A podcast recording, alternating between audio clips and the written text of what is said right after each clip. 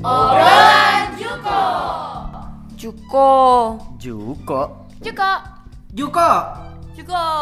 Juko. Juko. Juko.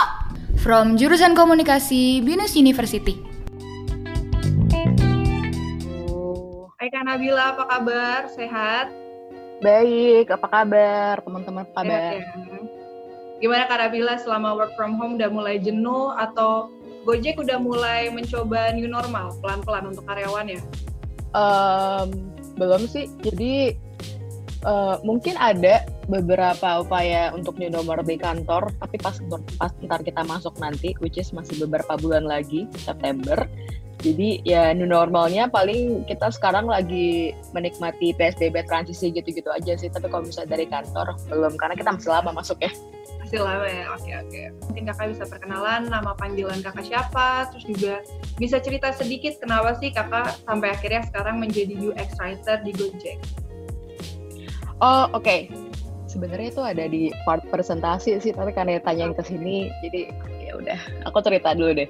Okay. uh, namaku Nabila. Biasanya dipanggil Bella atau Belo kalau di kantor join Gojek tuh tahun 2017, cuman di akhir tahun 2018 akhirnya aku pindah, eh, sorry, pertama aku gabung jadi growth writer. Nah, growth writer tuh aku nggak bikin kopi yang tujuannya untuk meningkatin growth atau um, apa namanya tuh development dan growth dari si produknya Gojek.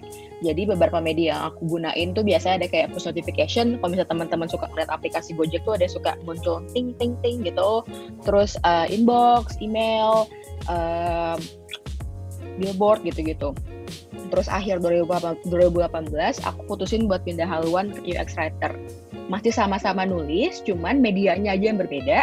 Kalau UX Writer ini medianya lebih ke aplikasi sama web. Tapi karena Gojek itu kita app based, jadi media aku lebih ke aplikasi. Nah, yang aku tulis tuh adalah yang aku produksi sehari-hari itu adalah yang teman-teman sering lihat kalau bisa buka aplikasi Gojek itu ada kopi-kopi, ada tulisan-tulisan sesimpel mau ke mana hari ini, terus ada tulisan kayak button-button pesan segala macam gitu-gitu. Itu yang aku provide setiap hari sih sama teman-teman yang kreatif di Gojek. Oke. Okay. Gitu. Tapi berarti kalau sebelum kamu menjadi UX writer nih, memang menulis sudah passion kamu dari dulu gitu kan? Iya, bisa dibilang gitu. Oke, uh, selamat siang teman-teman yang dari Binus dan juga di luar Binus. Makasih banget udah ngeluangin waktunya buat ketemu sama aku di webinar hari ini. Dan hari ini aku bakal cerita tentang how to create ad content that speak to users. Atau secara singkatnya itu tuh kayak gimana kita bisa bikin kopi yang merli bukan di yang yang tidak terdengar terlalu mesin atau robotik yang ada di aplikasi sehingga bisa speak to the users. Oke. Okay. Sorry. Oke. Okay. Nah, agenda hari ini tuh aku bagi enam. Singkat-singkatnya tuh ada introduction, ada goals dan principles, terus ada brand voice, big team, stories dan juga toolkits. Kita coba bahas dulu satu-satu. Nah, kita mulai dengan goals dan principles ada yang tahu nggak tujuan utamanya UX writing itu apa? Oh, yang aku tahu ya kak, yang pernah aku waktu itu ikutan juga waktu webinar ya Gojek, uh, eh, UX writing nih dia kayak pokoknya kita sebagai perwakilan dari brand seperti jadi penghubung gitu gak sih untuk usernya? Hmm. Iya, itu salah satu tujuan dari UX writing. Cuman biasanya yang kita uh, cuman kalau misalnya tujuan UX writing lainnya itu adalah kita tuh ingin ngebimbing user supaya bisa pakai aplikasi kita dengan baik dengan brand voice produk kita sendiri itu UX writing. Jadi kita ngebikin copy yang tadi aku jelasin bedanya kalau misalnya copywriter biasa kalau misalnya copywriter yang di ads atau kreatif agency biasanya kan mereka bakal ngebikin copy yang tujuannya adalah ningkatin sales atau ningkatin awareness atau engagement gitu kan. Kalau di kita kita tuh ngebikin kopi yang tujuannya adalah gimana si users itu bisa menggunakan aplikasi dari awal sampai akhir secara seamless atau dia tuh nggak menemukan halangan atau dia nggak bingung di tengah-tengah jalan sampai akhirnya dia bisa menyelesaikan suatu uh, suatu kerjaan atau misalnya suatu goal. Misalnya mau pesan gua ride. Nah mau pesan gua ride kan pas kamu buka gua ride ada mau ke mana hari ini? Terus setelah itu ntar bakal ada ditanya lokasi tujuannya ke mana? Terus ditanya lagi kayak mau dijemput di mana? Terus pesan. Nah kopi-kopi itu dan juga experience itu yang kita gunakan untuk ngebimbing user supaya bisa pakai aplikasi dengan baik tadi UX writing ya. Nah, di sini untuk bisa ngebimbing users dengan baik itu kita perlu nerapin yang namanya UX Writing Principles yang kita ambil dari Google I.O. 2017 dari Google dari UX Writer-nya mereka. UX Writing Principles itu ada tiga yang kita juga pegang di Gojek. Yang pertama adalah clear, yang kedua itu concise, dan yang ketiga adalah helpful. Sekarang kita bahas tiga-tiganya secara singkat. Untuk clear itu sendiri, uh, itu ngebayangin gimana kalau misalnya kamu tuh ada di posisi lawan bicara atau users. Kalau misalnya kita ngomongin Gojek kan kita pasti Gojek users, Gojek, Gojek users. Jadi pada saat kita membuat kopi, kita harus bisa memberikan konteks yang jelas terhadap apa yang sedang terjadi. Misalnya kita lihat kopi yang di sebelah kiri. Error, autentikasi tidak berhasil diproses. Oke, okay. nah pada saat clear kita tuh berusaha supaya tidak memberikan ruang error atau tidak memberikan ruang terhadap apa ya kayak kata-kata yang bisa mempunyai makna double atau misalnya kata-kata yang terlalu apa nih ngawang-ngawang banget gitu tuh nggak clear. Kan misalnya error autentikasi tidak berhasil. Errornya di mana? Autentikasinya apa? Karena pada saat login kan biasanya ada password ada email gitu kan. Nah mana yang salah? Akhirnya dengan prinsip clear kita nggak bikin gagal login password yang anda masukkan salah. Itu prinsip pertama. Nah prinsip kedua itu adalah concise Concise itu maksudnya bukan cuma singkat, tapi efektif dan juga efisien. Contohnya di sini, yang kiri misalnya, gagal login, password anda, yang password yang Anda masukkan salah. Udah clear. Cuman ketika kita bikin lebih concise lagi, bisa di-truncate jadi password yang Anda masukin salah. Nah, yang sebelah kanan kita bisa bikin lagi, lebih singkat lagi, passwordnya passwordnya salah. Tapi ingat pada saat kita bikin lebih singkat itu, kita nggak boleh ngeganti esensi dari kok dari copy atau message yang mau kita sampaikan itu concise. Terus yang ketiga adalah helpful. Ibaratnya kayak haram deh hukumnya buat UX writer, buat designers itu tuh buat ngebiarin user tuh bingung. Kita pengen selalu ngasih arahan yang jelas dan mereka tuh supaya mereka tuh tahu mau ngapain setelahnya. Misalnya ini ada gagal login, password password yang dimasukkan salah. Kalau misalnya kamu baca copy yang sebelah kiri doang, jadi user terus mikir kayak oke okay, gue harus ngapain kayak oke okay, password gue salah terus gitu kayak so gitu kan therefore di sebelah kanan kita berikan kita berikan mereka arahan selanjutnya yaitu lupa password dan juga coba lagi nah basically itu yang kurang lebih kita kita lakuin setiap hari sebagai UX writer kita menggunakan tiga prinsip tadi untuk ngebikin copy copy copy dan juga experience yang clear, concise dan helpful untuk usersnya. Oke, terus apalagi ya udah tiga prinsipal tadi. Nah, ibaratnya tuh ya kita tuh bisa survive dengan what to say atau UX writing principle. Tapi bakalan bisa lebih oke okay lagi kalau kita punya brand voice atau how you say it. Kalau misalnya istilah brand management tuh kayak packagingnya atau brandingnya deh, gimana kita nge-brand ourselves. Oke, okay, brand voice. Nah ini kan teman-teman komunikasi nih, dulu juga gue belajar komunikasi nih ada tahu brand voice nggak? Abigail mungkin masih inget nggak brand voice itu apa? Uh, belum pernah dengar sih. Mungkin oh, pernah dijelasin, okay. tapi aku sih nggak tahu. Aku sih pribadi nggak tahu brand okay. voice. Oke. Okay. Nah, brand voice itu adalah seperangkat karakteristik unik yang membedakan komunikasi brand kita dengan brand lain. Jadi, let's say, uh, oke okay, let's not name names tapi kan ada beberapa brand yang menurut kamu oh iya ya ini tuh gini banget misalnya oh iya ya ini tuh let's say misalnya ini tuh Nike banget atau ketika dengar ini tuh ini tuh kayak oke okay, ini tuh jenius banget jadi ada brand voice yang bikin yang menjadikan itu tuh identitas dari brand tersebut. Selain brand voice itu ada juga namanya tone, tonality atau tone of voice. Nah, terus apa bedanya brand voice dan tonality? Ini kadang orang suka kebalik-balik atau bisa jadi orang lihatnya kayak ini kayak dua hal yang sama deh. Cuman di Gojek kita coba ngebagi dua hal tersebut yang di mana sebenarnya masih satu runtutan gitu. Nah, tone itu merupakan bagian dari brand voice yang selalu menyesuaikan tergantung dengan audiensnya atau kamu ngomong siapa dan dalam konteks seperti apa. Contoh simpelnya tuh kayak uh, Tony Stark misalnya, Tony Stark atau Iron Man. Brand voice-nya dia itu tuh uh, orangnya percaya diri, bahkan kadang dia jumawa gitu kan. Terus juga terdengar smart dia juga terdengar kayak uh, pinter lah pokoknya ya smart lah diulang lagi nah untuk ke tonality-nya kita tuh bisa ngeliat gimana Tony Stark pas ngomong sama Thanos misalnya dia tuh arogan kan kayak oh ya gue bisa ini gue bisa ini gitu tapi ketika uh, si Tony itu ngobrol sama Maguna atau anaknya tonality-nya bakal berubah hmm. oh. gitu gitu kan. Tetapi si brand voice dari Tony-nya nggak berubah, cuman tonality yang berubah. Jadi di Gojek ini tuh kita kita praktikan, let's say kita punya brand voice satu, brand voice cuma satu, cuman pada saat tonality kita ngobrol ke driver, pada saat uh, tonality kita pas kita ngobrol ke uh, merchant, uh, merchant yang jualan uh, makanan misalnya kayak GoFood gitu dan tonality kita pada saat kita ngobrol sama users yang menggunakan Gojek sehari-hari itu juga beda. Dan kita bedain tonality-nya tapi masih di satu brand voice. Jadi si brand voice itu kayak umbrella-nya tonality itu kayak adjustment dari dari brand voice kita untuk masing-masing audience dan juga konteks. Kebayang ya kurang lebih clear ya? Aduh kayak gue pengen banget denger kalian tuh sebenarnya ngerti atau enggak atau gue kayak gibberish. Tapi oke. Okay. nah soal brand voice ini ada Clifford Nash. Dia tuh profesor human computer interaction dari Stanford University. Jadi uh, studinya dia tuh lumayan menarik kenapa brand voice itu penting? Jadi kan karena tadi aku bilang brand voice itu kan kayak menjadi umbrella dari uh, aplikasi atau dari sebuah produk supaya bisa menjaga konsistensi. Karena dari findingnya si Cliff, uh, si Nas ini kalau misalnya konsistensi itu tuh dilihat sebagai penanda kalau sebuah produk itu tuh kurang capable atau nggak trustworthy atau nggak reliable.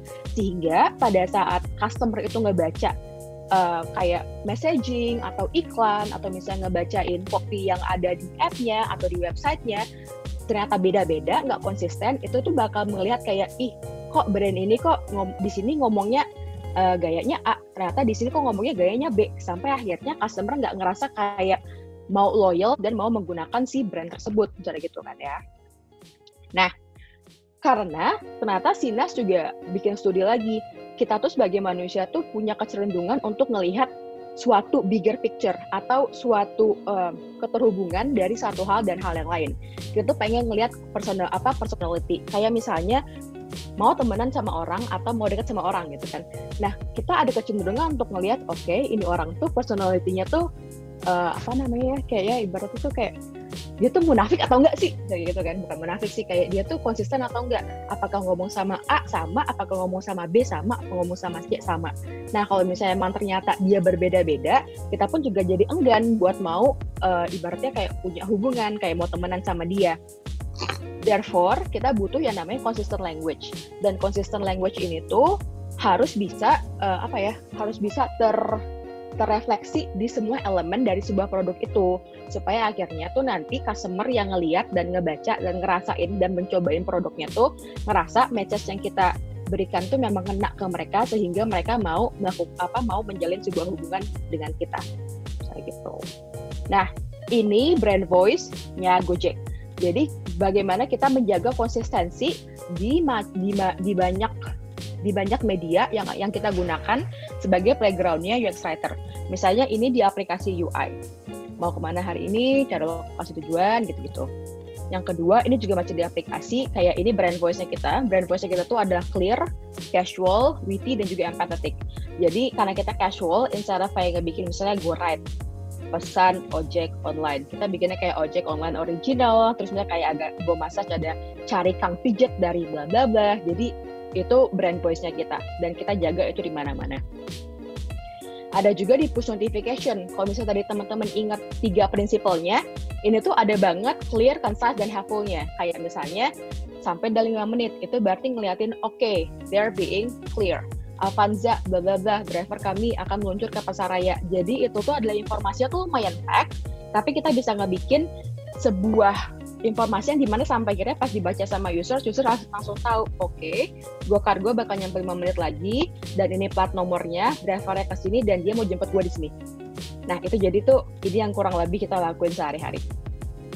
Ini juga ada di uh, release note jadi kalau misalnya teman-teman pernah ngeliatin App Store, App Store atau Google Play Store, kalau misalnya mau update tuh suka ada kayak uh, apa sih namanya tulisan-tulisannya gitu kayak misalnya oke okay, app virtual yang terbaru ini punya fitur ini ini ini ini.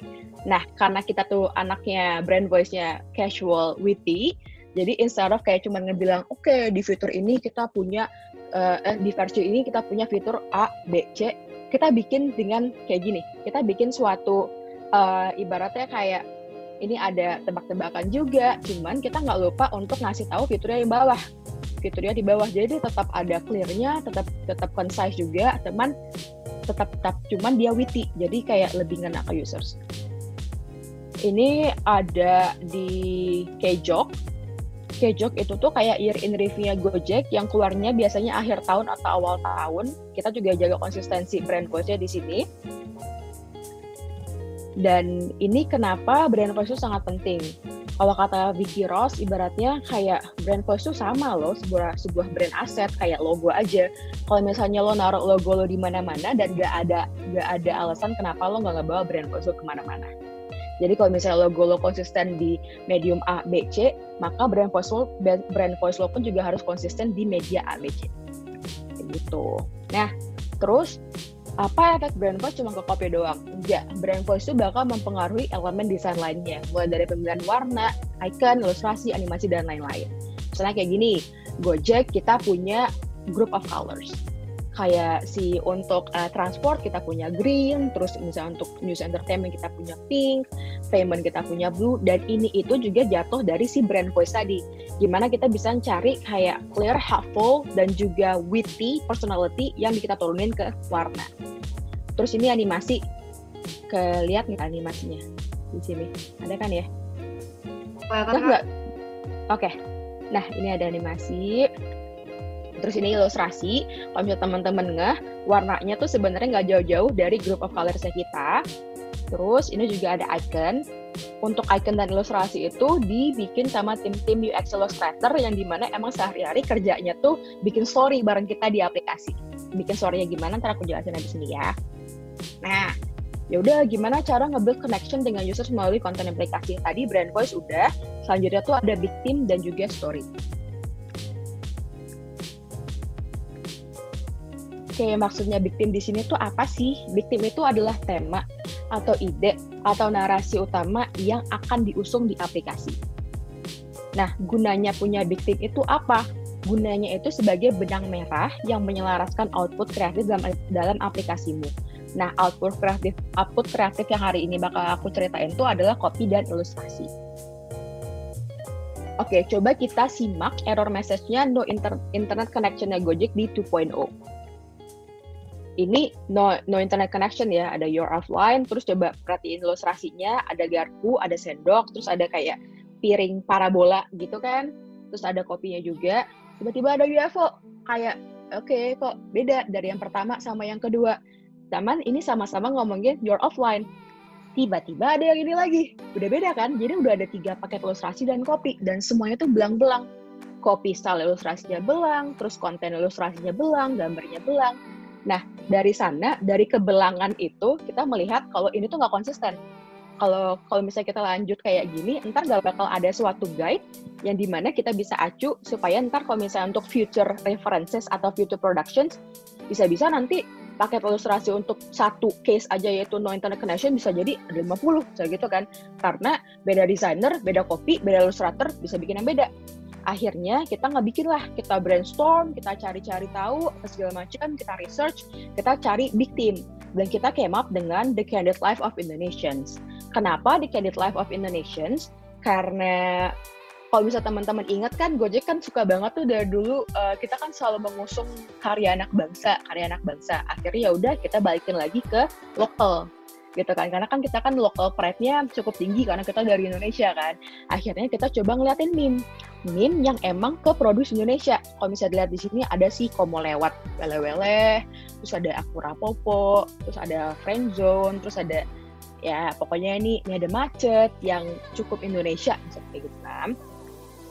Nah, setelah kita terapin big team-nya tadi, The Candid Life of Indonesians, kita translate itu big team jadi copy dan ilustrasi. Misalnya ini, ini no internet connection yang tadi ya, ya internetnya mati, cek koneksi wifi bla bla bla, dan ilustrasinya adalah orang lagi naik yang listrik sedot WC, cariin cariin si wifi. Selanjutnya, victimnya tadi tuh secara konsisten kita turunin lagi ke copy dan ilustrasi aeroscreen yang lainnya. Misalnya sebelah kiri ini ada bapak bapak driver sama ibu driver lagi love love kan. Nah kopinya pun juga harus menyesuaikan. Sayang aplikasi Gojek, kasih tahu kami dengan memberi rating bla bisa baca sendiri. Yang sebelah kanan juga ada si kamu lewat. Balik lagi ke meme yang tadi udah aku liatin kan? Gitu. Jadi kopinya juga kayak server kami padat merayap bla bla bla. Gitu gitu. Nah yang kelima itu ada stories. Kalau stories di sini maksudnya apa ya? Stories itu adalah cerita-cerita yang kita taruh di aplikasi di sepanjang user journey. Gunanya stories itu apa gunanya untuk ngebuat pesan yang kita sampaikan jadi lebih mudah dicerna dan lebih berkesan biasanya kalau kita itu story-nya tuh nggak bakal muluk-muluk deh, kita bakal ngelihat story yang emang terjadi di sekitar kita. Karena balik lagi kita tuh adalah the candid life of Indonesians. Jadi emang kita mau ngelihat apa nih kira-kira kayak overheard overheard Indonesians yang emang kita bisa masukin ke uh, apa namanya micro moments micro moments yang ada di aplikasi Gojek.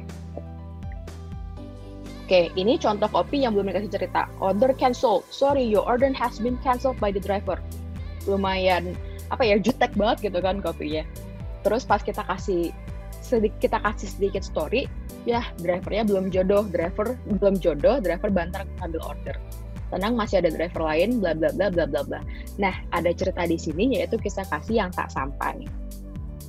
Tapi belum selesai di story uh, di copy doang. Kita coba masukin ke, ke ilustrasi balik lagi ke victim yang tadi ada yang friendzone yang kalau misalnya teman-teman ingat ada yang friendzone gitu ya udah kita coba nikahin tuh si ilustrasi dan kopinya sampai akhirnya jadi satu story yang emang insya Allah tuh ngena di hatinya masyarakat Indonesia. Oke, kita coba rekap dulu ya. Tujuan utamanya UX Writing itu adalah untuk ngebimbing user supaya bisa pakai aplikasi kita dengan baik, dengan brand voice produk kita.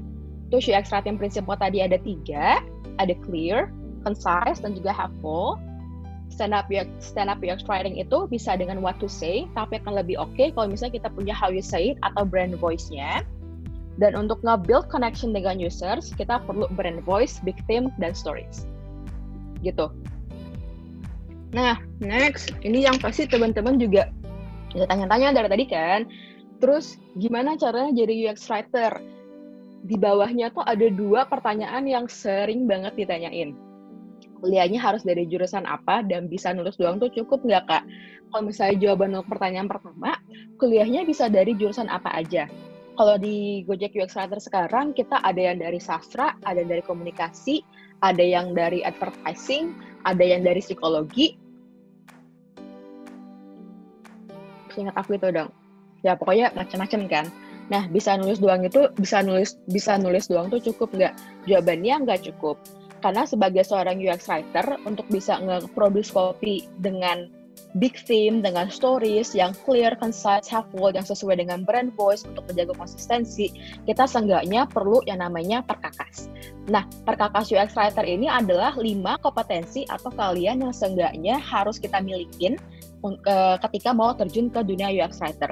Atau seenggaknya ini adalah lima kompetensi atau perkakas yang kita rasa benar-benar harus dipunyai oleh semua orang ketika mau terjun menjadi UX writer. Ada berpikir kritis dan kreatif, ada riset, empati, desain, dan juga menulis. Untuk perkakas pertama, berpikir kritis dan juga kreatif. Nah, kalau untuk berpikir kritis itu simpelnya kayak nggak nerima-nerima aja. Kalau misalnya nerima, kalau misalnya kita di kantor, kalau misalnya nerima ada brief, itu biasanya kita bakal langsung nanya 5W 1H-nya. Oke, ini mau launch-nya kapan? Ini untuk audiens yang seperti apa? Terus misalnya kayak siapa yang responsibility, siapa yang responsible terhadap ini segala macam gitu-gitu kita tanyain. Setelah itu ntar kita bakal berpikir kreatif. Berpikir kreatif itu tuh intinya tuh kayak mengoptimalkan apa yang ada mengoptimalkan resources resources yang ada. Berpikir kreatif itu contohnya misalnya kayak hmm, kamu mau ngasih kado ke pacar, gitu kan. Cuman ternyata lagi nggak punya duit, gitu kan. Nah, berpikir kreatif itu adalah mengoptimalkan apa yang ada. Ya udah, kamu bisa list dulu resource yang kamu punya. Misalnya pertama kamu punya handphone, yang kedua kamu punya eh, foto-foto sama dia misalnya gitu. Yang ketiga kau punya TikTok misalnya. Yang keempat kau harus punya pacar yang jelas. Kalau enggak nggak bisa kasih kado kalau nggak punya pacar. Oke okay, sorry krik. Nah jadi dari dari dari apa yang ada itu kamu bisa ngebikin kado yang kadonya tuh nggak harus mahal tapi dengan kayak bikin kreatif, oke, okay, kamu bisa nggak bikinin video kompilasi yang isinya adalah kompilasi TikTok bareng dia, atau kamu bisa nggak bikinin scrapbook yang isinya adalah foto-foto lagi selfie bareng dia atau pegangan tangan sama dia, gitu-gitu deh. Pokoknya itu adalah berpikir kreatif. Terus yang kedua itu uh, kita punya nama research atau riset. Nah, riset itu apa? Riset itu merupakan suatu tindakan yang kita lakuin buat ngebimbing imajinasi dan intuisi users dalam merangkai kata-kata atau kopi di sini tujuannya research itu tuh ada banyak. Biasanya kita pengen cari tahu perilaku, kita pengen cari tahu tren yang lagi tren yang lagi ada di masyarakat. Kita juga pengen tahu gimana nih kira-kira reaksinya users atau masyarakat kalau misalnya nggak baca kopi A atau nggak baca kopi B gitu kan. Atau simpelnya kita pengen cari tahu aja ada nggak ya data tambahan yang bisa kita gunain uh, dalam ngebikin suatu kopi atau suatu iklan misalnya sebagai di copywriting kita sebagai UX writers atau kita sebagai writer biasanya bakal ngelakuin cara ngelakuin itu ada macam-macam. Sesimpel kayak kepoin users. Kayak tadi cari tahu dia dia lagi sukain apa, yang lagi dia nggak sukain apa. Terus kita juga bisa kepoin competitors. Kompetitor udah punya fitur apa sih? Kalau misalnya dia punya, kalau misalnya ternyata udah ada fitur yang mau kita develop, kita bisa ngeliat, oke okay, kopi yang mereka gunain tuh apa? Kira-kira kopinya tuh sukses atau enggak? Terus kamu juga bisa ngelakuin studi literatur, bisa dengan studi website, bisa dengan studi sosial media, bisa dengan studi jurnal dan lain-lain. Nah, untuk ngevalidate tadi yang udah kamu cari tahu, biasa dengan research ini kita bakal ngelakuin wawancara, kita bakal sebar kuesioner juga, kita juga ada yang namanya usability testing, dan kita juga ada yang namanya empati, yaitu perkakas yang ketiga. Empati ini tuh uh, kita sebagai UX writer benar-benar mengusung yang namanya empati karena gimana pun juga kita kita tuh selalu mengedepankan users need. Kita harus bisa ngelihat apa yang users itu butuhkan, alih-alih apa yang company butuhkan dan mau informasikan. Nah, empati itu itu di sini tuh ngeposisiin diri sebagai orang lain atau lawan bicara kalian sendiri. Ngebayangin apa yang mereka rasain, ngebayangin kira-kira apa yang lagi mereka alamin empati itu kita pakai setiap hari buat bisa nge-explore possible outcomes kayak motivasi, ketakutan, kesukaannya, harapannya users itu apa. Itu juga ngebantu kita untuk bisa mengenal users lebih dalam sehingga kita tuh bisa ngebikin kopi yang benar-benar kena dengan sentimennya mereka, dengan emosinya mereka. Simpat, si empati ini tuh ada uh, ada formula simple. Formula simple tuh kayak oke, okay, bayangin aku adalah orang A dan aku mau dapetin uh, kopi B. Misalnya kayak gitu ya. Oke, contohnya misalnya kayak gini. Jadi uh, jadi waktu itu untuk di si contoh yang di slide ini, waktu itu kita dapat brief kalau misalnya kita mau ngebikin satu uh, artikel di help center yang isinya adalah untuk uh, yang yang yang isinya adalah kalau misalnya kalian ada ketinggalan barang di Gokar. Nah, kita kan mau ngebikin artikel yang ketinggalan barang di Gokar ya udah langsung pakai empat, eh, empatinya. Kalau misalnya aku adalah orang yang ketinggalan barang di Gokar, aku mau baca informasi yang ngasih tahu di gimana aku bisa dapat barangnya kembali. Ketika kamu empat berempati lagi, kamu bisa bayangin, oke, okay, ketika barang ketinggalan di Gokar, yang dirasain pertama apa? Takut.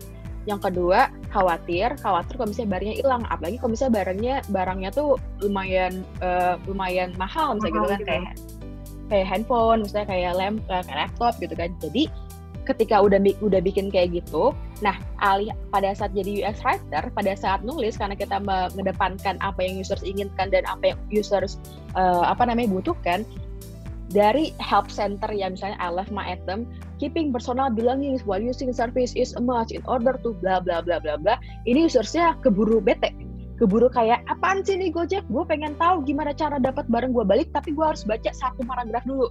Yang sebenarnya tuh juga nggak nge-provide solusi. Solusinya malah ada di bawah. Kalau misalnya kamu ketinggalan barang kamu bisa manggil kita.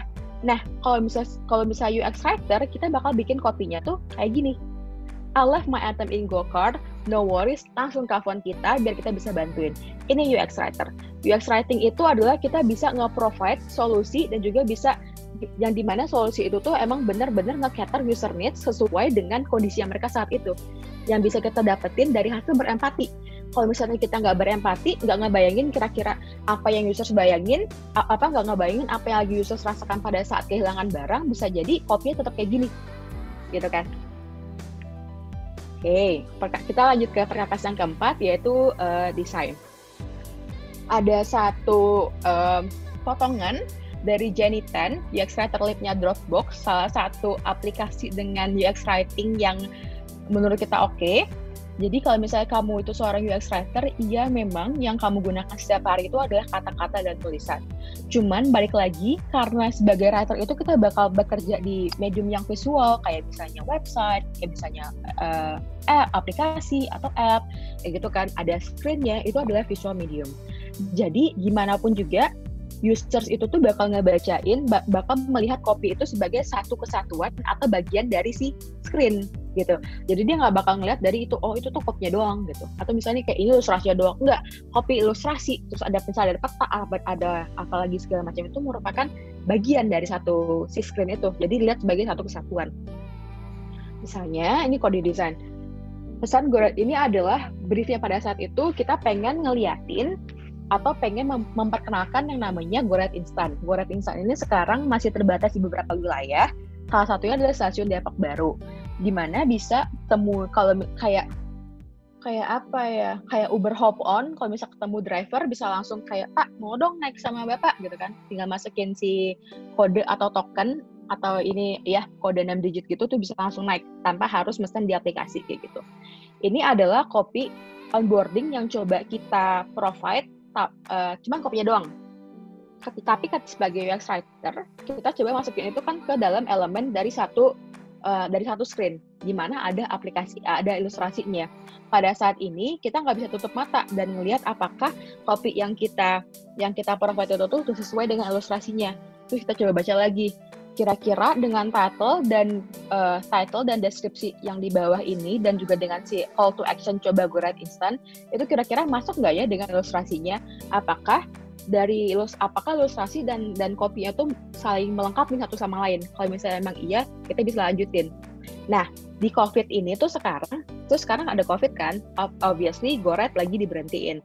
Akhirnya kita ada saya di sini ada yang namanya Gokar Instan di Depok Baru Nah, di sini tuh karena pada karena ada COVID, jadi ilustrasinya, ilustrasi dan kopinya pun juga menyesuaikan. Terus sebagai sebagai UX writer kita bisa ngeliat nih ilustrasinya. Oke, ilustrasinya cuma ada hand sanitizer, tapi karena kita berempati tadi kayak kayaknya kayaknya users butuh assurance lebih deh, sekedar dari cuman ngeliatin uh, gambar hand sanitizer doang. Users butuh butuh apa namanya butuh butuh lebih convince kalau misalnya emang ternyata berjalan apa berpergian dengan Gokar tuh bener-bener aman dan juga nyaman. Akhirnya di kopinya bisa kamu tambahin lagi Gojek udah siapin masker dan juga termometer biar semua tetap aman. Yang di mana dua poin tadi itu udah di provide di ilustrasinya. Jadi yang tadi aku bilang kopi dan ilustrasi bakal saling melengkapi satu sama lain. Dan yang terakhir dan yang paling penting itu adalah menulis. Nah, menulis itu tuh kayak ya sebenarnya sama aja menurut aku nulis apa pun ya mau nulis kopi di uh, di media cetak, menulis kopi di media massa, menulis uh, menulis kopi untuk makalah, karya tulis, skripsi, UX writing, kopi yang ada di uh, app apa segala macam uh, kurang lebih ini adalah tahapan yang kita laku yang kita lewatin. Kita bakal draft dulu, kita eksplorasi, eksplorasi, eksplorasi lagi sebagai illustrator biasanya kita tuh bisa sampai ngelakuin iterasi sampai 10 atau iterasi sampai banyak. Jadi ada alternatif A, ada alternatif B, terus kita minta feedback. Oke, okay, feedbacknya apa? Lihat kurangnya di mana. Kita coba explore lagi, kita coba explore lagi. Apakah solusi yang kita tawarin udah tepat? Apakah pemilihan kata yang kita tawa yang kita taruh di sana sudah benar-benar mengena di hati masyarakat gitu-gitu? Ada revisi dan ada editing sampai akhirnya jadi. Nah, sebagai writer, kurang lebih ini sih weapons yang kita gunain uh, Bu Ebi pedoman umum ejaan bahasa Indonesia terus grammar itu penting banget. Apalagi kalau misalnya produk yang kalian produk yang kita kerjakan itu kan ada berbahasa Inggris juga. Jadi karena kebetulan apa namanya kita semuanya Indonesian speak, uh, speaker jadi grammar di sini benar-benar di di apa namanya dilihatin banget apakah udah benar kan kalau misalnya ntar dilihat sama uh, expat gitu atau gimana kalau misalnya ternyata ada grammar yang salah itu bisa mempengaruhi si brand identity-nya terus wordplay permainan kata-kata jadi kayak perlu mikir apa nih kira-kira wordplay yang oke, okay, diksi, pemilihan katanya udah tepat atau belum, struktur kalimat, kira-kira poin A bagusan taruh di kalimat yang depan apa yang di belakang, terus apakah nanti ajakan untuk menggunakan goret taruh di kalimat depan atau yang belakang, itu yang kita perhatiin setiap hari di uh, di poin menulis. Nah, itu deh sebenarnya sampai situ aja presentasi aku, cuman kayak apalah presentasi tanpa sebuah quote gitu. Bisa baca sendiri. When you can feel, eh, gue bacain deh. When you can feel someone's character, you can feel their presence. Then you can feel their presence. You can you can um sorry, you can build a connection, and without connection there is no love. Jadi begitu kurang lebih gimana kita nge-create app content that speaks to users. Gitu deh. Oke, Kak Nabila. Thank you banget Kak buat materinya yang benar-benar informatif banget. Berarti kalau yang aku tangkap nih gini ya, kalau kita menjadi seorang UX writer, sebisa mungkin kita memberi apa menulisnya tuh berdasarkan sudut pandang si customer-nya itu, si usernya itu ya. Nggak bisa hmm. kita memposisikan kita benar-benar dari perwakilan si brandnya ini. Jadi um, se, uh, apa namanya kit kit uh, kit ya ya kurang lebih gitu sih. Gue mau ngomong apa tadi lupa. Berarti tapi uh, ini tuh jatuhnya gini guys ya. Kalau aku lihat tuh kalau Gojek nih cara hmm. mereka nulisnya tuh penulisannya kan benar-benar kayak santai banget. Kayak benar-benar juga pokoknya kayak bahasa sehari-hari banget deh kayak kita gini, kayak temen sama temen.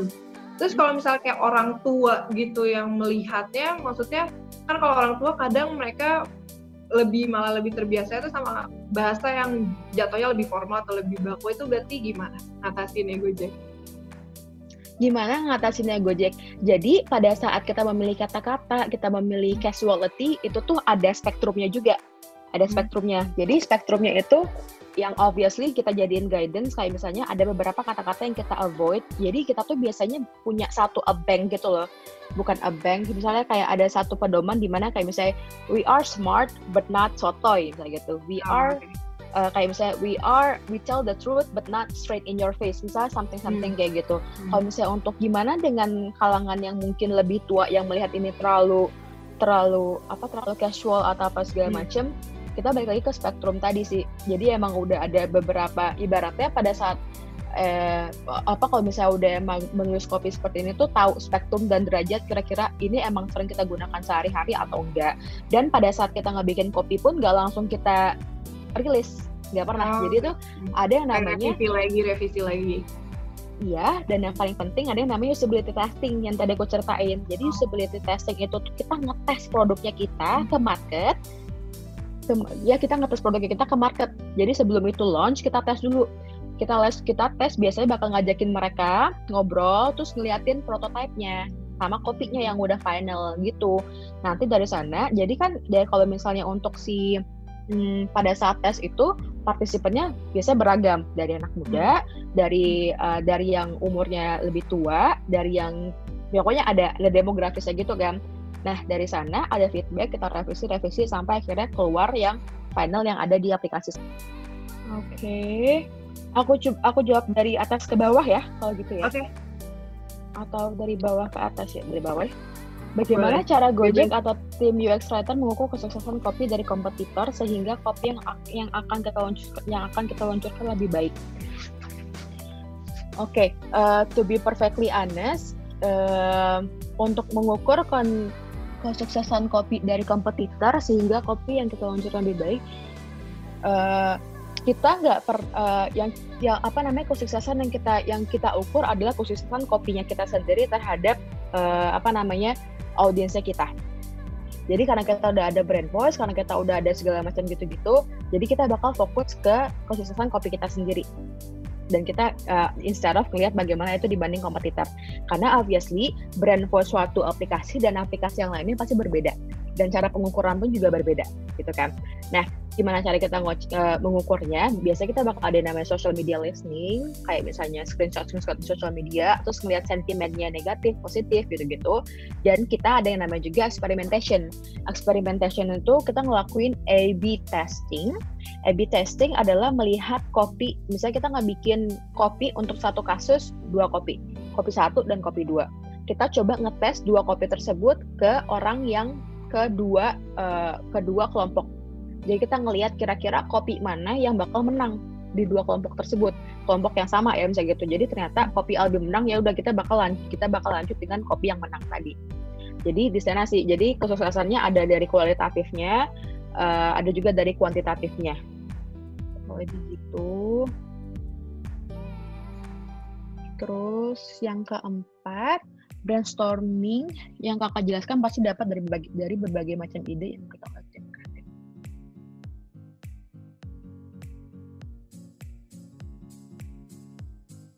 Oke, oke. Yang nomor empat, this is a good question actually. Dan pada saat nanti kerja tuh banyak banget yang namanya penolakan ide-ide yang dianggap kurang cocok kalau dari kita um, biasanya pada saat brainstorm kan bakal ada beberapa macam metodologi brainstorming. Let's say kamu mau pakai sticky notes uh, exercise atau mau pakai um, uh, mind mapping gitu kan. Pada saat kayak gitu ya udah pada saat menggunakan itu kita balik lagi ke tujuan dari brainstormingnya itu. Jadi kita kita menggunakan jadi biasanya kita bakal ngelis dulu nih apa-apa aja, terus kita kategoriin, ini masuk ke apa, ini masuk ke mana, ntar kita prioritasin, kita priori, kita prioritasin, terus kita gitu. Jadi emang udah ada suatu ke se, apa namanya, suatu mutual understanding kalau misalnya itu adalah uh, itu merupakan apa sih namanya uh, prosedur yang akan kita lakukan sampai akhirnya nanti kalau misalnya ada penolakan ide yang kurang cocok atau segala macam nggak ada no hard feeling. Misalnya kayak gitu sih. Dan biasanya kita tuh ngerasa nggak ada ide yang jelek. Jadi bisa disampaikan aja terus. Karena basic sebenarnya tuh pada saat brainstorming kamu sampaikan ide kamu bisa jadi orang lain yang, mem yang mempunyai tambahan terhadap terhadap ide kamu tadi. Jadi kalau misalnya ada ide yang kamu mikir aduh kayaknya idenya kurang oke okay deh nggak apa-apa uh, sampaikan aja. Karena bisa jadi nanti teman yang B itu nambahin sampai akhirnya nanti tuh bisa ngerasa kayak oh bisa kau build ide yang justru bagus. Gitu sih. Terus, eh ini gue gimana bisa taunya ini ngejawab atau enggak ya? Dari chat sih juga nggak ada yang bilang nggak jelas sih kak. Kayak cukup. Oke. Okay. Uh -uh. Oke, okay. gitu gue lanjut dulu ya. Yang nomor tiga, apa yang biasa dilakukan kalau kalian studio? Oke, okay. writer's block. To be perfectly honest, writer's block is a myth buat gue jadi gue nggak ngerasa uh, writer's block is an excuse uh, writer's block is just an excuse kalau misalnya emang kamu ngerasa aduh apa ya? Lagi males gitu ya? Lagi males atau emang kesak. Karena to be really honest kalau misalnya kita ngerja karena kita tuh kerjain di bidang kreatif ketika stuck ya udah berhenti aja dulu. Nggak bisa dipaksain. Therefore aku nggak pernah ngerasa kayak aduh writer's block nih apa segala macam hmm ketika kamu memutuskan untuk berhenti explore, ketika kamu memutuskan untuk mencari data terbaru, itu berarti kamu yang ngeblok diri sendiri. Hmm. Dan, uh, apa namanya waktu ini aku waktu itu aku juga sempat ngobrolin ini sama teman-teman uh, eh, UX writer. Jadi itu sebenarnya ada banyak banget yang masih bisa dicari terus kalau emang sebenarnya pengen cari. Jadi nggak ada yang namanya ratus blok. Therefore aku ngeliat ini sebenarnya uh, apa namanya a buat writer gitu sih kalau misalnya ngerasa kayak ya udah aku bisa ngerasa writer's block ya pertama uh, take a step back kayak ngelihat lagi gimana gimana terasi yang udah gue lakuin. Yang kedua uh, bisa nanya-nanya ke orang karena inget-inget sebagai writer tuh penting banget nanya ke orang. Tulisan kamu tuh sebagus-bagusnya tulisan tulisan kamu kalau misalnya emang ternyata ini tuh nggak bisa dimengerti orang lain itu nggak bakal jadi tulisan yang bagus. Kalau misalnya kamu ngerasa kayak oke okay, ini kayak udah clear nih segala macam pas kasih ke user user kayak ini maksudnya apa ya kak? udah. Itu kayak itu udah skakmat banget Berarti kita tuh kayak anjrit jadi keberadaan gue di sini tuh buat apa? Berarti kayak gitu kan therefore hmm. nanya ke orang yang tadi kayak iterasi iterasi explore explore terima feedback ya udah. Kalau ratus blok tanya orang. Mungkin simpelnya kayak gitu ya. Kalau atas blog explore. Berarti gini dong ya kak, kan kadang banyak tuh orang kalau misalnya yang di dunia kreatif kan pasti pasti kayak bilang, aduh gue lagi lagi ngestak banget nih, nggak ada ide atau apa pun. Hmm. Berarti itu sebenarnya itu cuma excuse dia aja karena sebenarnya dia bisa ya dapat idenya kalau dia mau nanya sama orang lain atau mau explore lebih lewat internet atau apa pun itu ya sebenarnya nggak apa-apa kalau misalnya menurut aku nggak apa-apa itu jadi excuse karena semua orang pasti butuh a break. Yeah. Cuman aku pengen menjadikan ini sebagai mindset. That's not the point where you should stop. Kalau misalnya emang pengen stop, berarti itu emang untuk istirahat dulu dan juga take a step back.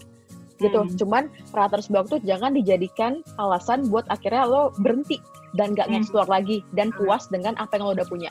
Skillnya. Itu sih kurang lebih my take on writer's block. Oke, aku lanjut dulu yang kedua. Program kejok sendiri atau tujuan tertentu yang ingin dicapai nggak kak? Terima kasih. Oke, untuk program kejok itu sendiri, to be honest, uh, kayaknya I'm not uh, is not wise for me to speak be, on behalf of my friend yang punya programnya itu.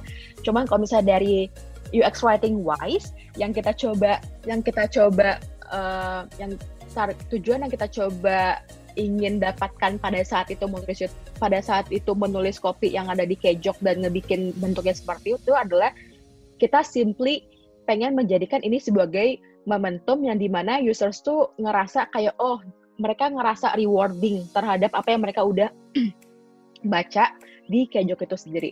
Karena to be perfectly honest, Kejok is only kayak year in review tuh kayak tinggal ngambil data doang kan. Oke, ini ini ini ini ini.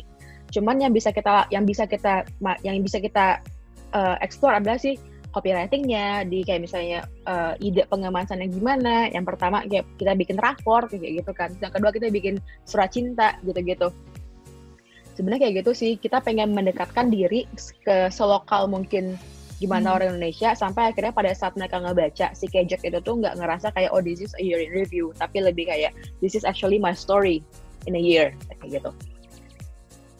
Nomor satu, misalkan kita dalam UX writer di Gojek ngelakuin kesalahan atau typo gitu gimana? Oh, nggak apa-apa banget. Kayak, it's okay. Um, uh, to be perfectly honest, kalau gue pribadi merupakan orang yang penganut melakukan kesalahan. But you make a new mistake every day, but never make the same mistake. Because that would be foolish.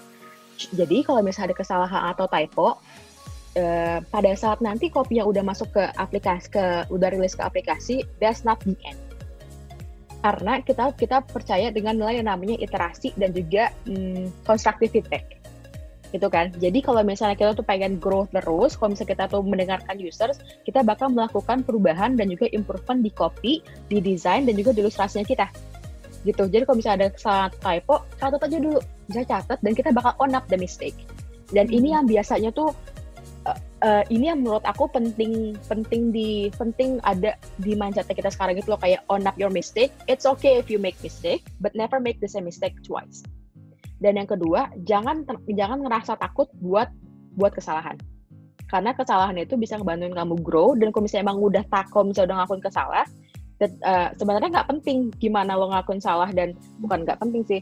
Kalau nggak salah ya udah nggak apa-apa but the most important sih gimana kamu nge-bounce back dari permasalahan dari kesalahan tadi. Kalau misalnya ada typo ya udah tinggal bisa tinggal bilang kayak gue bakal beresin ini ya uh, targetnya ini segala macam gitu-gitu sih sebenarnya lebih ke sana sih kalau misalnya ada kesalahan atau typo it's okay we make mistakes we're humans karena uh, uh, ketika kita mau ngebikin aplikasi yang speaks to users supaya tidak terkesan terkesan sebagai mesin dan pada saat ada kesalahan dan that's okay. Cuman ya Hmm. tadi jangan terlalu sering dan jangan dibuat kesalahan yang sama. Oke. Tapi pernah gak sih kak kamu selama menjadi UX writer nih. Typonya tapi udah keburu di-publish gitu. Jadi user pun udah ngeliat gini ini tulisannya typo. Oh, pernah kok. Oh pernah, Pernah. juga. Per- itu pernah banget dan uh, dan gue baru ngehnya sampai ketika jadi kan kalau misalnya di tag itu ada yang ngecekin apa ada quote yang salah, apa ada yang segala macam kan sampai akhirnya tuh kayak di forum itu eh ini copy ini salah nih apa segala macam ya udah gue tinggal di tag gue kayak oh ya maaf ya gitu segala macam gini gini gini gitu kan gitu aja sih maksudnya emang kalau misalnya ada kesalahan Jadi itu semua wajar dong ya. itu Yang penting kita wajar belajar terus dan jangan bikin same mistake aja. jangan make the same mistake dan own up the mistake dan oath dan bikin oath jangan dibikin lagi Oke oke. Eh, ini kita kan masih ada waktu untuk sesi tanya jawabnya. Aku tambahin lagi kalau gitu ya kak dari chat. boleh boleh Di sini ada yang nanya. Eh aku kalau gitu mulai dari dari sini. Kak, perkenalkan aku Karen dari jurusan Mass Communication. Apa yang biasa dilakukan kalau Kak Nabila sebagai seorang writer? Oh ini udah berarti ya, sorry. Oh ini. Halo Kak, saya Riko dari jurusan Maskom. Saya ingin bertanya, bagaimana tim UX writer melakukan pemilihan kata-kata yang cocok untuk membuat draft yang menarik minat penggunanya. Apa hal tersebut berdasarkan riset atau target berdasarkan riset target umum apa bagaimana Kak? Oke. Okay. This is a good question karena sebenarnya sekarang beberapa orang melihat pemilihan kata tuh lumayan sepele, cuman untuk seorang UX writer ini cukup krusial karena satu kata yang berbeda bisa jadi memiliki makna yang berbeda. Terutama kalau misalnya emang kita nulis di bahasa yang bukan bahasa kita. Misalnya kayak bahasa Inggris gitu kan. Kita benar-benar harus lebih harus tahu nih sebenarnya konteksnya apa segala macam. Hmm. kita bisa ngelakuin riset cuman uh, uh, karena kita nggak selalu mempunyai luxury untuk melakukan riset sendiri uh, barang researchnya biasanya kita ngelakuin risetnya sendiri gitu kan. Kayak kita mempunyai yang tadi aku bilang kita A/B test dan A/B test itu tuh nggak nggak nggak cum nggak sampai A/B doang tapi bisa A B C D segala macam gitu gitu jadi kita punya beberapa set of copy terus kita tanyain dan godok. Jadi biasanya di Gojek itu tuh kita bakal dibagi jadi setiap setiap writer itu punya responsibility terhadap produk tertentu. Misalnya kayak aku responsible aku adalah di produk payment kayak misalnya GoPay, GoPusa, GoBill terus uh, di Gojek as a as a platform kayak home screen kayak misalnya my account apa segala macam gitu-gitu. Terus ada juga di uh, misalnya di finance. Nanti ada juga teman aku yang ngurusin GoFood. Nanti juga teman aku yang ngurusin apa. Jadi kita tuh emang udah satu punya satu documentation. Satu documentation itu udah berisiin semua kopi yang isinya tuh adalah kopi di aplikasi dari sana tuh udah ada kayak glossarium sebenarnya. Kayak apa yang mau di, apa yang mau digunakan apa yang nggak mau digunakan gitu-gitu segala macam. Kalau misalnya emang ternyata kita ngerasa kok kalau misalnya emang ternyata ada satu kata yang menurut kita ini pantas nggak ya di sini? Ini bisa nggak ya kira kira-kira masuk ke konteks ini? Kita bakal balik lagi ke usersnya. Apa yang lagi dirasain user saat itu? Terus kita bisa juga tanya ke si teman-teman writers yang lain eh apa yang ngerasain terhadap ini? Apa yang ngerasain terhadap ini? Sentimennya ini apa ya? Kurang lebih ini bakal ada konotasi atau enggak ya? Jadi sebenarnya itu exercise yang kita lakuin pada saat kita memilih kata. Apakah dia memiliki konotasi yang negatif? Apakah dia mempunyai double meaning? Karena kita pengennya clear. Apakah kalau misalnya kita udah ngasih ini uh, kira-kira nanti ini bakal menimbulkan kesan yang apa? Apakah Gojek bakal terkesan sombong? Apakah bakal terkesan apa? Cara kayak gitu sih. Dan karena UX writer itu sehari-hari nulisnya kopi, jadi emang udah punya satu uh, apa ya understanding mutual understanding dari si uh, diksi yang kita gunakan sehari-hari dan yang enggak. Dan kalau misalnya ada diksi yang baru, misalnya gitu kan, eh gue mau coba pakai kata bahasa Inggris ini kira-kira masuk nggak ya? Udah kita bakal chime in aja semua. Hmm. Writer, menurut gue ini kayaknya kurang deh. Menurut gue ini konotasinya bisa ini, tapi ini oke okay, gitu-gitu. Gitu sih. Oke. Okay. Oke, karena Bila sebelum ini kita selesai, mungkin karena Bila bisa kasih pesan singkat dikit buat teman-teman mahasiswa juga yang mungkin lagi bingung atau mungkin setelah ini jadi tertarik sama dunia UX writing, kira-kira menurut Bila apa sih yang bisa mereka build up lagi dalam diri mereka? Yang bisa, ah, kalau sekarang itu mindsetnya bukan mindset kondisinya gimana? Apakah berarti understanding terhadap your ini masih cukup rendah ya? Dan yang pengen yeah. diketahui itu sebenarnya apa? Prospeknya kah atau apanya kah? Uh, kira-kira kayak prospek kayak gitu. Kan sekarang dunia virtual tuh juga udah benar-benar berkembang banget. Dunia teknologi tuh udah benar-benar pesat banget. Kira-kira karena Bila sebagai salah satu UX writer yang bekerja juga di apa bidang salah satu perusahaan teknologi yang udah juga pesat dan terkenal banget. Arabila ada pesan apa buat teman-teman semua? Oh, pesan. Supaya siap juga. Oh, God. Gua nggak siap jawaban terhadap pertanyaannya lagi. uh... Atau dari pengalaman kakak aja kira-kira kita tuh harus apa gitu untuk bisa berani dan mau coba hal-hal seperti ini, hal-hal baru terus. Oh oke. Okay. Kalau aku, uh, kalau misalnya dari pengalaman aku sendiri, to be perfectly honest, dulu tuh uh, mempunyai ambisi itu baik karena itu bakal menuntun kalian uh, untuk untuk mengambil keputusan abis ini mau ngapain, abis ini misalnya mau abis ini mau ngambil kursus apa, atau abis ini mau apply ke mana gitu-gitu. Cuman ingat juga untuk stay agile dan dan uh, stay agile dalam artian kayak what hap uh, what will happen next is tomorrow gitu loh. Hmm. Jadi harus mempunyai kesig kesigapan terhadap changes, kesigapan terhadap sesuatu yang mungkin jangka pendek apa segala macam hmm. gitu-gitu. Jadi uh, aku melihatnya si agility ini sih hmm. sama um, oh paling ini kalau misalnya untuk mau terjun ke dunia kreatif itu hmm. coba mulai build portofolio. Oh, oke. Okay, okay. Coba mulai build portofolio dari sekarang. Pertanyaan yang paling sering keluar adalah kak, gue belum kerja, gimana gue bikin portofolionya? Bikinnya adalah bikin studi kasus sendiri hmm. bikin studi kasus sendiri jadi kan lu sering ngebikin tugas-tugas nih hmm. suka bikin tugas-tugas lo coba lihat aja tugas-tugas lo yang kemarin misalnya kayak gitu apa nih kira-kira bisa gue kembangin lebih dalam apa yang gue hmm. bisa risetin yang, yang bisa gue lebih perdalam researchnya apa yang gue bisa bikin eksplorasi lagi apa segala macam jadi dari si uh, apa namanya portofolio tadi uh, jelas latar belakangnya apa brandnya apa yang pengen lo bikin studi kasusin, terus nanti research lo apa, lo pengambil datanya gimana, terus ntar researchnya apa, iterasinya gimana, segala macam gitu-gitu. Jadi di portofolio tuh haram banget, terutama kalau misalnya mau apply ke Gojek ya, hmm. udah disclaimer, jangan cuma ngasih aset, tapi kasih latar belakang, kasih oh. kenapa lo kenapa lo bikin kopinya seperti itu, kasih rasional, kasih okay. alasan, kasih hmm. reason segala macam gitu-gitu. Asetnya itu maksudnya kayak gimana kak? Kayak gambar doang gitu? Kayak gambar doang. Oh, kayak gam- I see. Oke. Okay, kayak okay. gambar doang gitu. Itu itu jujur kayak kita kalau banget. Iya, kita yang baca juga kayak jadi tuh ini ini mau ngapain teh nggak ngerti hmm. gitu kayak kita nggak tahu konteksnya karena hmm. sayang ketika lo udah nggak bikin studi kasus yang bagus lo udah nggak bikin misalnya poster posternya udah bagus cuma lo nggak nggak jelasin proses di belakangnya apa ah, yang okay. pengen kita tahu itu adalah prosesnya nah kata itu adalah proses di belakangnya itu hmm. gitu sih karena hmm. kalau misalnya kayak ngebi ngebikin gambar apa segala macam ya gue bisa aja hire GD gitu kan cuma kita pengen taunya sebagai desainer dan lo tuh mempunyai udah dan lo tuh udah mempunyai uh, ibaratnya modal apa hmm. gitu sih Oke. Okay. Hmm, gitu. Oke, okay, Kak Nabila, thank you banget buat semua materinya yang informatif banget. Sukses terus buat Kakak dalam berkarir thank di Gojek you. ataupun ke depannya. Dan sehat-sehat terus ya, Kak. Stay healthy dan tetap stay at home. Saya juga.